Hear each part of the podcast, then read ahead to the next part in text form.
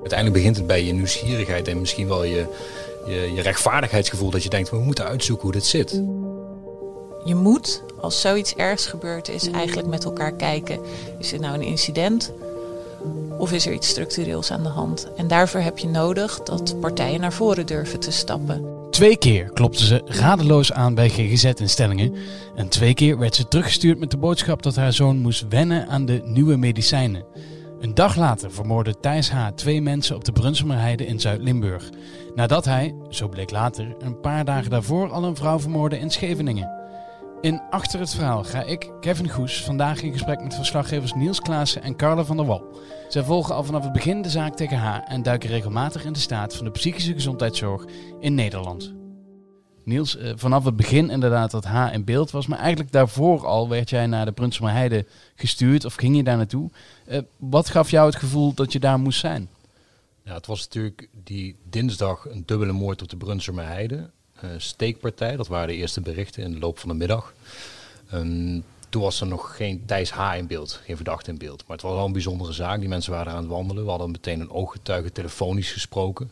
Die zei, ja, ik, ik, zag een lijk liggen en ik liep verder en ik zag nog een lijk. Nou, dat is natuurlijk bizar, gebeurt zelden op zo'n manier. Toen is woensdag besloten van, ja, ga er maar gewoon heen. Praten met omstanders, op zoek naar wat het verhaal is achter deze bizarre steekpartij. Dus uh, woensdag gegaan. En Carla, wanneer kwam jij erbij kijken bij dit verhaal? Wat later, op het moment dat... Uh Thijs H. in beeld kwam. Ja. Ja, want toen werd die verbinding gemaakt tussen die moord in Scheveningen en uh, de twee moorden in, in Zuid-Limburg. Uh, wat voor beeld kreeg je toen van, van deze dader? Nou, al vrij snel kregen we het beeld dat het ging om iemand die echt wel in de war was. Hè? Dat, dat was wat vrij snel opdook. Uh, we kregen signalen ook vanuit kringen rondom hem dat het gewoon niet goed ging. En dat moet haast ook wel. Hè? Moorden met, met willekeurige slachtoffers zijn echt wel bijzonder. Over het algemeen zie je dat, er, eh, dat de dader en het slachtoffer elkaar ook kennen. Dat er een geschiedenis aan vooraf gaat. Laat ook wel zien dat deze mensen ontzettend veel pech hebben gehad. Hè? Dat ze juist deze man tegen het lijf zijn gelopen. Ja. Het was ook die totale verslagenheid eigenlijk die je ook proefde in die buurt. Want ook op die woensdag al dan, hè, voordat hij als verdachte in beeld was, die woensdag overdag ja, dat, uh, bijvoorbeeld een van de slachtoffers, Dini, en oma, die, die geen vlieg kwaad deed. Uh, het liefste mens van de straat, bij wijze van spreken. Buren snapten er totaal niks van. En bij veel moordzaken die vaak groot in het nieuws komen, is er, is er al snel een, een, een, netwerk of een, of een motief of een, of, een, of een crimineel circuit. En dan wordt het vaak helder. Maar bij dit soort zaken is iedereen gewoon geschokt. Maar is dat dan ook het moment, hè? Je, je leert wat meer over Thijs H., over de, eh, de dader. Um, is het ook op het moment dat je gaat afvragen van wat, wat is hier nou misgegaan? Dat je meteen al gaat zoeken van oké, wat is het verhaal achter dit verhaal? Nou ja, dat is denk ik uh, duidelijk. Want we hebben die week uh, verschillende nieuwsberichten ook gebracht over zijn uh, verleden en over zijn mentale staat. Over zijn psychische problemen, een suïcidepoging. En, en natuurlijk, zodra je ook weet dat de geestelijke gezondheidszorg betrokken is, word je gewoon heel, wil je gewoon alles weten. Waar, waar, is hij behandeld? Hoe is hij behandeld? Ging dat goed? Ging dat niet goed? Want je kunt je bijna niet voorstellen. We wisten inmiddels ook meer over het gezin van haar. Een heel normaal uh, gezin uit Zuid-Limburg. Uh, de ouders hadden een goede baan. Dus je verwacht ook dat zij goed voor hun kinderen zorgen. En dat het niet... Ja, hij ziet er ook goed verzorgd uit ja, hè, als je foto's nou ja, ziet van, van Thijs H. Dus je bent wel heel nieuwsgierig naar het hele feitencomplex. Dus daar ga je wel naar graven. Zegt natuurlijk lang niet alles. Hè. Hoe iemand eruit ziet of wat voor gezin die vandaan komt. kan heel divers zijn. Hè. Moorden worden door allerlei mensen gepleegd. Dat is echt uh, van hoog tot laag uh, in de samenleving. Hoe ga je dan te werk? Ja, wat eigenlijk gebeurt op een uh, redactie op het moment dat er zo een, een dader in beeld komt. Hè, want de politie was actief op zoek naar, naar Thijs H. Mm -hmm. um, Zelfs met achternaam toen genoemd, hè? Precies, ja. met achternaam genoemd. ze hebben zijn portret vrijgegeven. Dus op, op dat moment gaan hier natuurlijk alle alarmbellen rinkelen. Want zo'n stap wordt natuurlijk niet zomaar genomen. En als je dan ook je bedenkt dat zo iemand op vrije voeten is, terwijl die uh, uh, verdacht wordt van drie moorden. Ja, dat is nogal wat. Uh, hè, wie zegt dat hij niet nog een keertje toeslaat? Ehm, dus vanaf dat moment begint het eigenlijk al dat je wil weten van hoe A, hoe kan het dat hij rondloopt, vrij. En uh, B, wat zit hierachter? Wat is zijn verhaal? Wat is dit voor jongen? En daar zetten we dan in eerste instantie op de redactie vrij groot op in, met meerdere verslaggevers. Wij zijn toen overgebleven als een soort kernteam die de zaak blijven volgen achteraf. Maar op dat moment is het echt alle hens aan dek. Mhm. Dan proberen we gewoon alles uit te vinden wat we maar kunnen weten. En ehm, ja, als dan het beeld opduikt dat het om gaat om iemand die verward is, eh, ja, dan ga je automatisch ook kijken naar hoe kan het dan dat zo iemand toch niet één, niet twee, maar uiteindelijk drie moorden, hè, weliswaar de laatste twee kort achter elkaar, dat hij dat heeft kunnen doen. Ja. Ja, Niels, even terug naar dat, dat die, die, eh, die achternaam bekend werd gemaakt, portret werd eh, eh, verspreid. Ehm, dat gebeurt niet vaak in Nederland. Hè? We doen dat maar zeldzaam eh, om dat te doen. Eh, dat betekent wel dat hij dus al bekend is. Dat Ja. is wel een beetje wrang. Ja, maar dat wordt afgewogen, tegen elkaar afgewogen, zeg maar. Zijn recht op privacy, ook al is hij verdacht in deze zaak, versus eh, de veiligheid van de samenleving. Want hij is eh, voortvluchtig. We hebben hem eh, nog niet in beeld.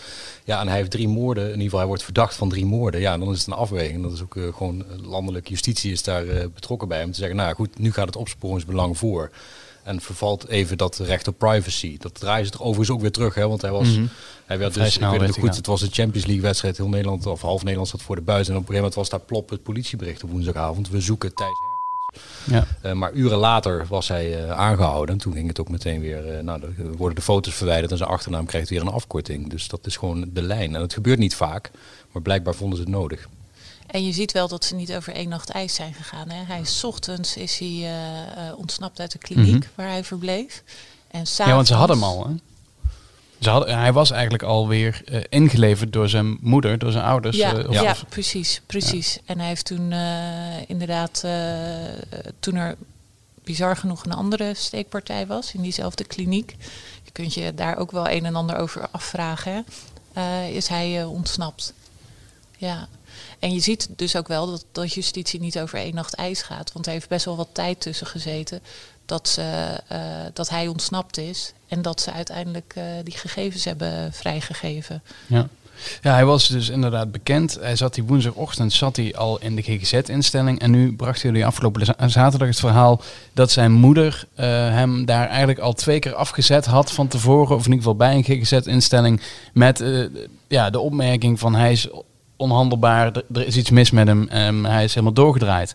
Ehm, hoe, hoe vind je zo'n verhaal? Of, of nou ja, je- je natuurlijk qua vindt- bronnen kun je natuurlijk niet, niet veel nee, prijs maar je, vindt het, het begint bij de vraag stellen voor jezelf en die belangrijk maken door te zeggen: oké, hij had psychische problemen, dat wisten we.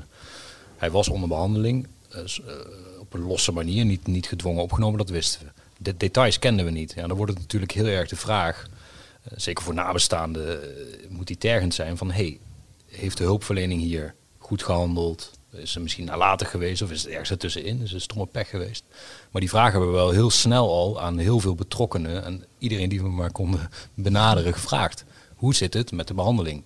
Ja. En als je die vraag, tenminste in dit dossier is gebleken, als je die vraag vaak genoeg stelt en hem belangrijk genoeg vindt, dat je uiteindelijk meer antwoorden krijgt. Ja, Niet alle antwoorden, maar Ik denk dat je inderdaad eerst duizend keer krijgt, daar mogen we niks over zeggen. Want dat is allemaal patiëntengeheim, beroepsgeheim.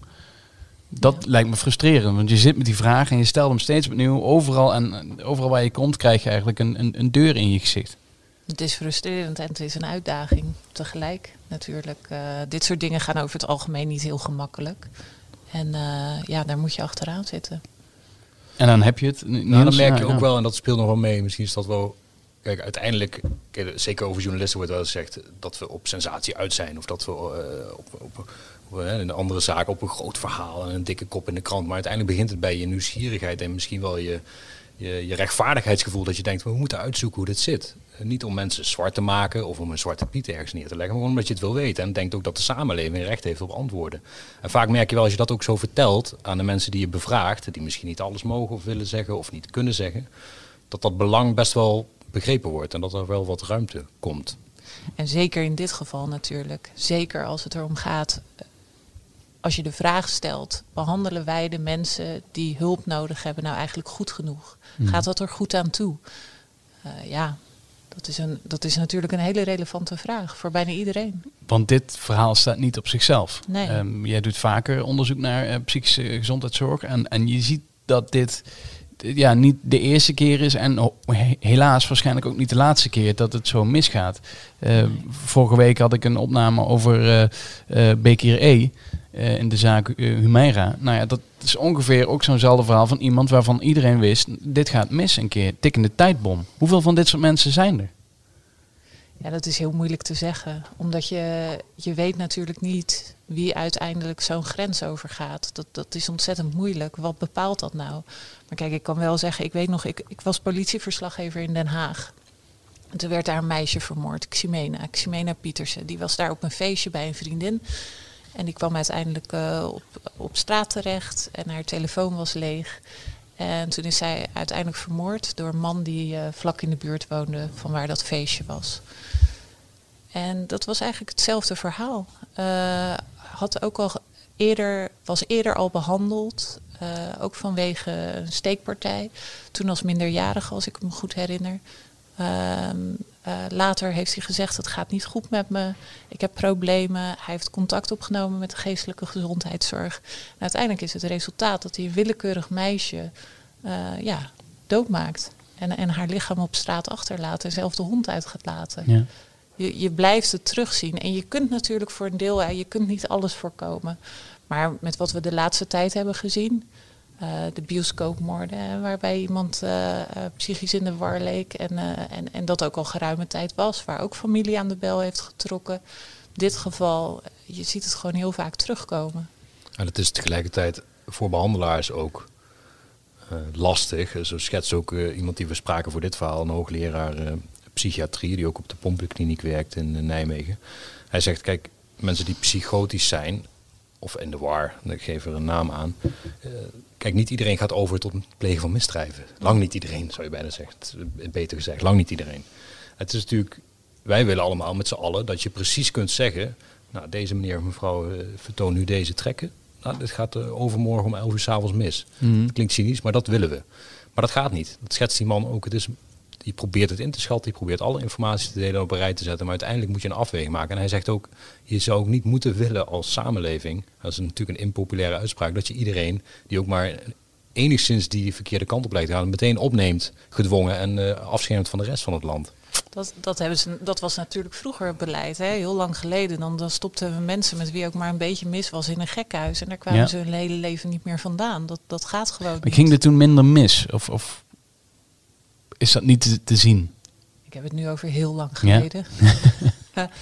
dat, uh, nou, toen was dus natuurlijk nog niet alles uh, in het openbaar en nog niet alles in de krant zoals nu. Maar nee, ja, en ik hield het toen ook niet, uh, niet bij natuurlijk. toen zat ik gewoon nog kind te zijn. um, nee, ja, dat weet ik niet. Maar goed, hè, maar is het frustrerend, bijvoorbeeld voor jou ook als verslaggever, dat je elke keer weer met zo'n verhaal geconfronteerd wordt waarvan je eigenlijk denkt, hier is weer iets misgegaan. Um, of er is niet genoeg inzet bij de, bij de gezondheidszorg. Er is, altijd wel iets te melden waardoor het mis is gegaan. En, en altijd kun je achteraf zeggen van ja, hadden we maar. Ja, dat is echt in ontzettend veel zaken zo. Ja, het is een, een, een ongelofelijke cliché, maar met de wijsheid van achteraf kijken naar wat er is gebeurd is natuurlijk ontzettend uh, eenvoudig. Althans, vaak ontzettend eenvoudig. Ik moet zeggen dat dat in dit geval niet eens geldt. Hè? Want we hebben uiteindelijk, uh, uh, lijkt het erop dat hier geen openbare discussie gaat ontstaan met behandelaars die openheid van zaken geven en waar we gaan kijken wat er mis is gegaan. En ik denk dat ik dat eigenlijk nog het meest frustrerend vind. En mhm. denk dat dat ook het meest frustrerend is voor nabestaanden. Je moet als zoiets ergs gebeurd is, eigenlijk met elkaar kijken. Is dit nou een incident? Of is er iets structureels aan de hand? En daarvoor heb je nodig dat partijen naar voren durven te stappen. En uh, wat je wel lijkt te zien in de GGZ, is dat dat uitblijft. Dat er toch een angst is uh, als we een misser begaan. Ik kan niet helemaal beoordelen, hè, want ze willen ook niet met ons praten. Maar uh, als we een misser begaan, worden we dan niet aangeklaagd? Worden we niet verantwoordelijk gehouden? Staan we dan niet in ons hemd? En het zou natuurlijk heel mooi zijn en heel goed zijn als daar toch een soort uh, modus wordt gevonden waarop je die gesprekken wel aan kan gaan en waarin je open kan kijken hoe zit het nou precies. want je kunt je ook niet voorstellen dat de behandelaars bewust verkeerde keuzes maken. Die zullen daar een, een, een afweging hebben gemaakt die je misschien best wel kunt In 99% volgen als ze van de gevallen misschien wel goed gaat. Of goed uitpakt. ja. En die je misschien ook wel kunt volgen als je het verhaal maar kent. Maar nu krijgen wij het verhaal. Eh, slechts een deel van het verhaal, namelijk we kwamen voor hulp. Er was bizar gedrag en, en er kwam niet de gevraagde hulp. Eh, en er werd gewezen op bijwerking, misschien kunnen we het daar nog over hebben later, bijwerking van een medicijn dat hij slikt. Ja, dat klinkt, in ieder geval dat deel van het verhaal is opzienbarend en, en begrijp je bijna niet. Maar misschien zit daar een verhaal achter van de kliniek, van de behandelaars, met een hele geschiedenis die wij ook gra- graag in beeld zouden brengen. En Ja, een m- protocol dat zorgvuldig Ja. is samengesteld, wat is afgewogen. Ja. Maar dat snap, ergens snap je natuurlijk ook wel in het, in het belang van de patiënt dat ze daar niks over zeggen of mogen zeggen. Maar in sommige gevallen zie je dat patiënten of familie eh, toestemming geeft om die openheid wel te geven. Zoals in dit geval ook gebeurd is. De Mhm. advocaat van Thijs H. Serge Wening heeft tijdens de zitting onlangs nog gezegd... eh, mijn cliënt heeft geen bezwaar tegen het, eh, tegen het verstrekken van de medische dossiers van, eh, van Thijs H. De Justitie wilde die, het Openbaar Ministerie wilde die dossiers, maar de behandelaars weigeren die te geven. Dat, die twist die ligt nog bij de raadkamer. Ze horen binnenkort wel wat eruit komt. Maar dat zeg maar in ieder geval dat de cliënt zelf, in dit, of de Mhm. patiënt in dit geval, eh, gewoon zegt, ja dat mag, dat is goed, eh, kijk maar. Maar dat toch de behandelaars zeggen, nee. Ja, dat is wel een rare gang van zaken natuurlijk. Dat is in ieder geval voor de buitenwereld moeilijk te begrijpen. Ja. Kijk, dat is volgens de, de- in de medische wereld is het een normaal recht en een goed recht, denk ik, dat, het, eh, dat de behandelingen niet eh, publiek hoeven te zijn. Maar zo'n zaak waar ook het algemeen belang denk ik een rol speelt, hè, de waarheidsvinding en het reconstrueren van de feiten, ja, ik zou ook een andere keuze kunnen maken. De rechter heeft dat eerder overigens ook geoordeeld, hè, want de kliniek wilde aanvankelijk in mei ook bijvoorbeeld camerabeelden niet vrijgeven van de, de vleugel waar Mhm. Thijs eh, was.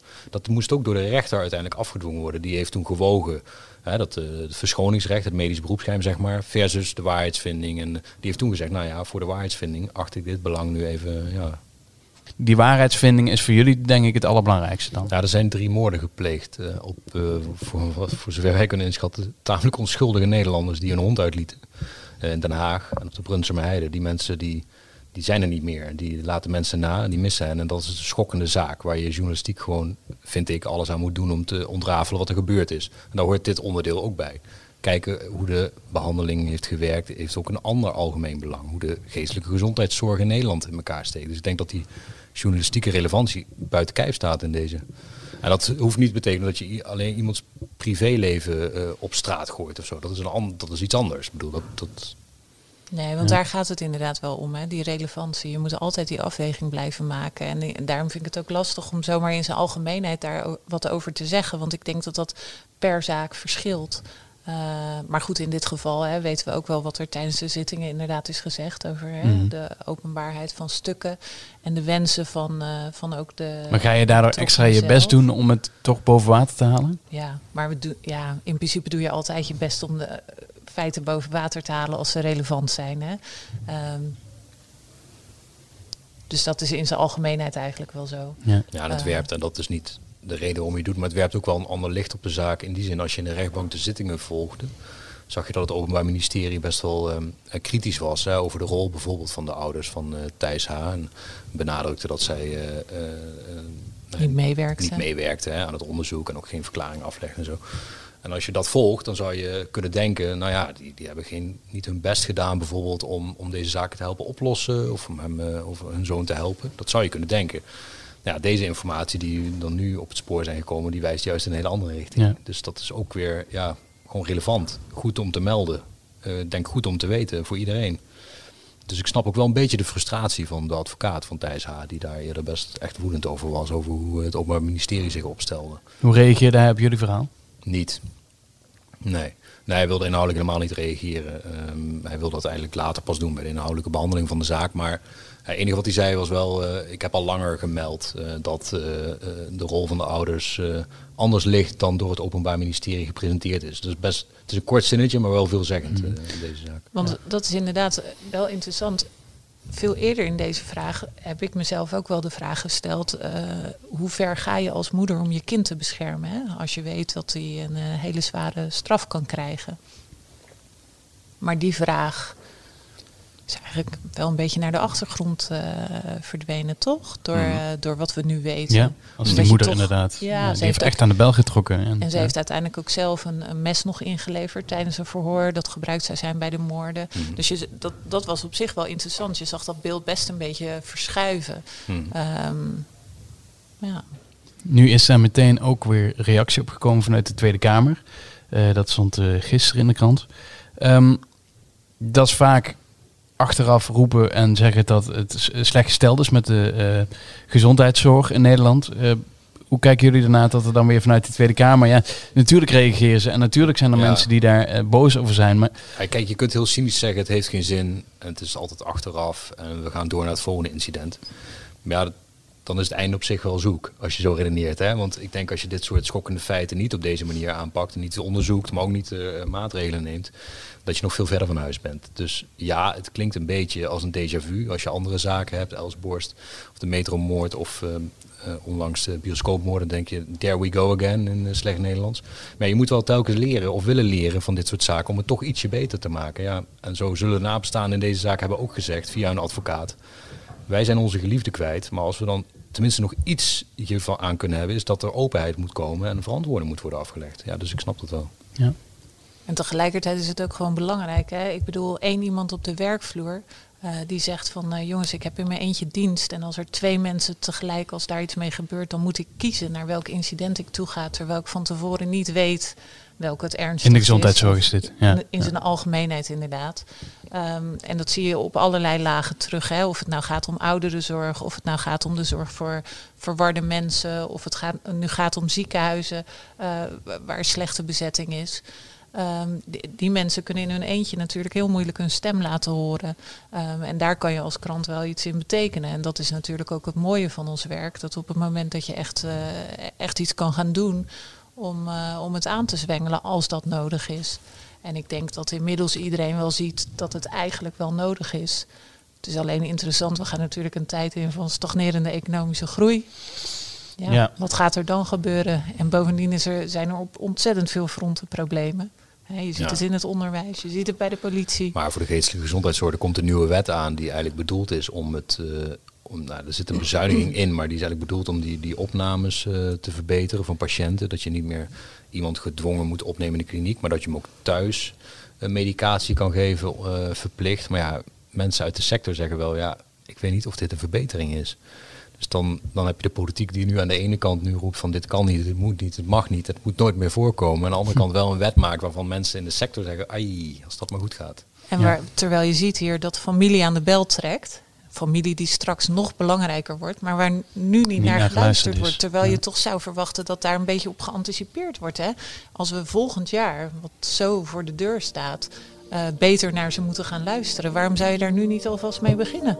Carla, Niels, uh, bedankt voor jullie bijdrage. Uh, blijf deze podcast vooral luisteren, abonneren op Spotify, iTunes. Uh, luister ook naar alle onze andere podcasts van, van het AD. tot de volgende keer.